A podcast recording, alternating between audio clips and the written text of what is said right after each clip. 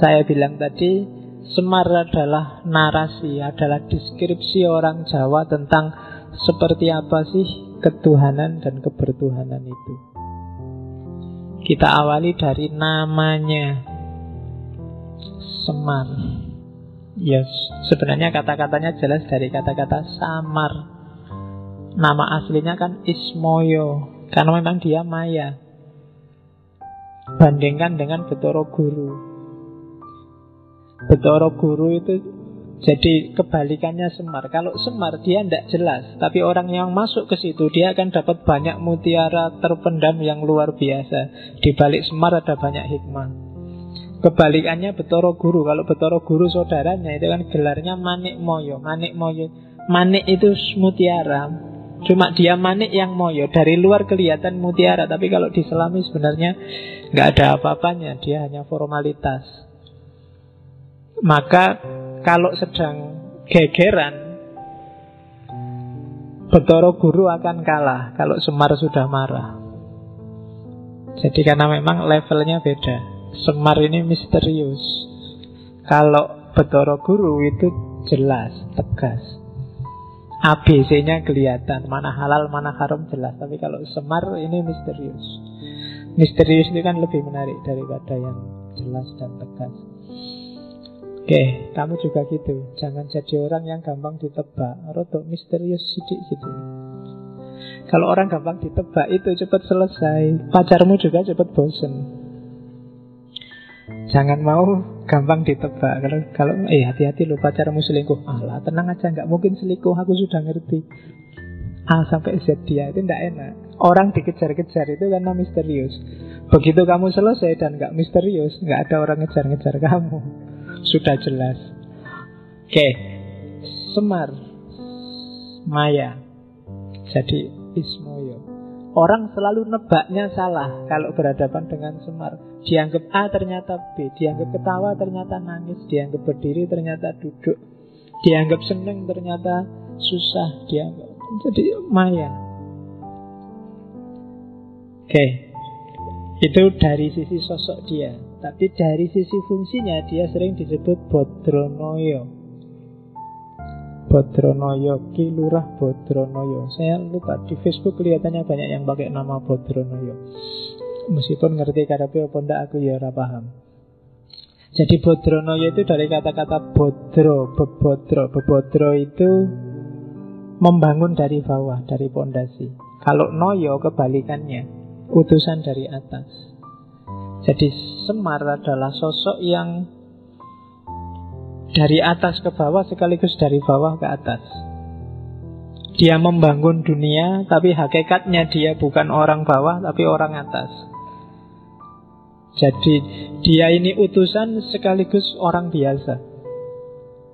Dia ini berusaha sendiri sekaligus dibantu dari atas.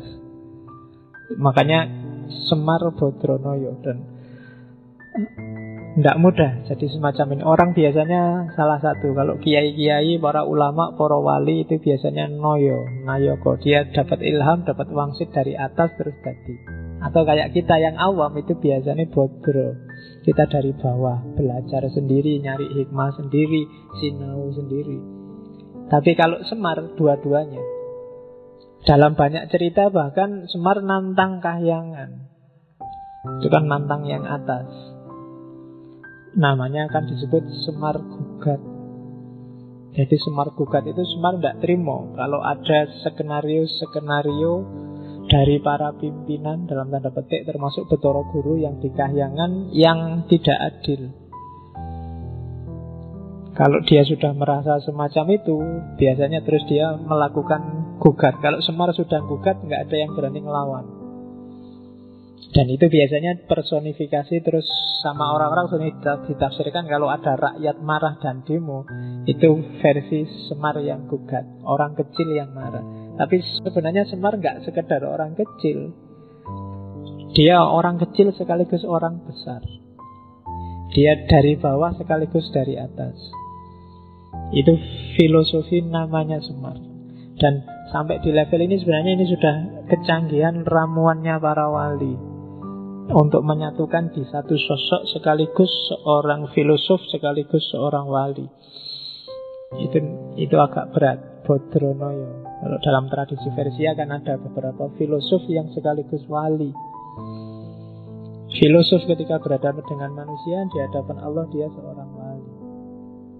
Ya mungkin kenal model-model Ibnu Arabi, Jalaluddin Rumi dan kawan-kawan. Itu bisa digelari Bodronoyo. Dari bawah ke atas sekaligus dari atas ke bawah. Dan itu seperti apa hakikatnya pasti misterius, susah ditebak, makanya digelari semar. Di luar dua nama ini dia punya puluhan nama sesuai cerita masing-masing. Setiap cerita kadang-kadang ada namanya sendiri. Tapi yang utama ini Semar dan Bodronoyo. Oke, itu dari segi nama. Sekarang dari segi fisik harus pakai kacamata sekarang. Jadi coba cek gambar itu. Kalau narasinya Semar itu bukan laki-laki, bukan perempuan. Meskipun selama ini kesanmu selalu laki-laki ya karena dunia ini agak patriarkal seolah-olah Semar itu cowok. Sebenarnya dia tidak laki-laki, tidak perempuan. Terus tangan kanannya ke atas, tangan kirinya ke belakang. Jadi kalau jalan mungkin ada yang sering nonton wayang wong apa dulu Ria Jenaka selalu tangan ini ke atas terus satu tangan ke bawah. Kamu bisa bandingkan dengan tarian Wirling Derwisnya Rumi. Itu kan juga satu tangan ngadep ke atas, satu tangan turun ke bawah. Itu simbolisme bahwa kita tunggu anugerah dari atas, tapi kalau sudah dapat, pada saatnya harus kamu bagi ke bawah, jangan egois. Ilmumu, pengetahuanmu, kemampuanmu, bakatmu, kapasitasmu itu semua kan pemberian dari atas. Cuma jangan berhenti kamu nadong ke atas, pada saatnya kamu harus ngasih ke bawah. Dan itu simbolisme Semar versi Porowali. Terus yang ketiga, dia anak-anak sekaligus tua. Wajahnya sangat tua, tapi dia punya kuncung sehingga kesannya kayak anak-anak. Kalau kalian kan wajahnya tua, tapi aslinya kan Iya. Nah kalau Semar itu anak-anak sekaligus orang tua.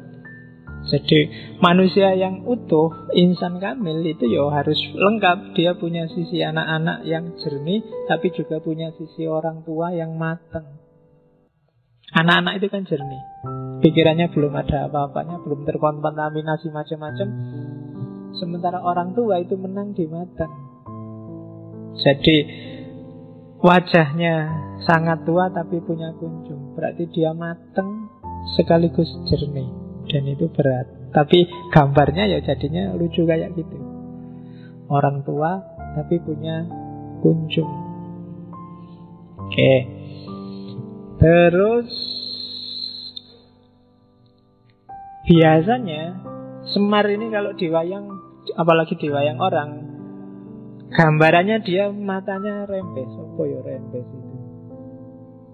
Bahasa Indonesia ini apa matanya rembes itu? Jadi berkaca-kaca ya berbesmili itu kan oh, ini kalau rembes itu terus-terusan. Jadi berkaca-kaca terus ngerem. Apa ya bahasa Indonesia nggak lengkap ya matanya ya rembes. Orang Jawa yang ngerti. Jadi selalu berair. Jadi terus berair itu. Ya cuma mulutnya selalu ketawa jadi matanya rembes, selalu berair tapi selalu senyum, selalu ketawa. Itu gabungan antara keprihatinan dan antara duka dan suka. Itu hidup. Jadi analoginya warawali untuk menggambar manusia yang utuh itu ya bisa senang, bisa sedih. Terus ya dalam dialog dia sering ketawa karena lucu. Cuma di akhir ketawa nadanya mesti nangis. Itu semar. Jadi paradok. Terus yang terakhir Dia ini sebenarnya berdiri sama duduk tidak jelas. Disebut duduk iya, disebut berdiri juga ya itu berdiri apa duduk yang tidak jelas. Jadi kalau di di Purwocarito tadi, kenapa kok bawahnya besar sekali di seratnya Ronggo Warsito ada cerita bahwa tiga saudara ini Togok, Betoro Guru sama Semar satu ketika rebutan siapa yang berhak ganti sang yang tunggal. Akhirnya lomba siapa yang paling paling cepat makan gunung. Jadi lomba mangan gunung. Ah, yang pertama nyoba makan itu Togok. Togok itu nekat gunung diambil ditelan. Cuma karena nggak muat terus bibirnya robek panjang itu. Makanya bibirnya terus robek. Nah, Semar yang ngerti, wow itu nggak bisa kalau ditelan berarti bibirnya robek. Akhirnya yang enak dimakan dikit-dikit aja, yang penting habis. Dimakan dikit-dikit, cuma resikonya terus perutnya jadi ya besar luar biasa. Sebelum Betoro Guru ikut perlombaan, ketahuan sama bapaknya terus dimarahi dan diusirlah ke bumi. Itu versi Islam Jawa tentang Semar. Cuma ini sebenarnya ingin menggambarkan dia ini antara berdiri dan duduk itu tidak jelas. Makanya namanya Semar. Dia samar, dia maya. Setiap bagian dari dirinya itu sebenarnya simbol-simbol luar biasa. Dia punya banyak makna. Itu simbolisme fisiknya.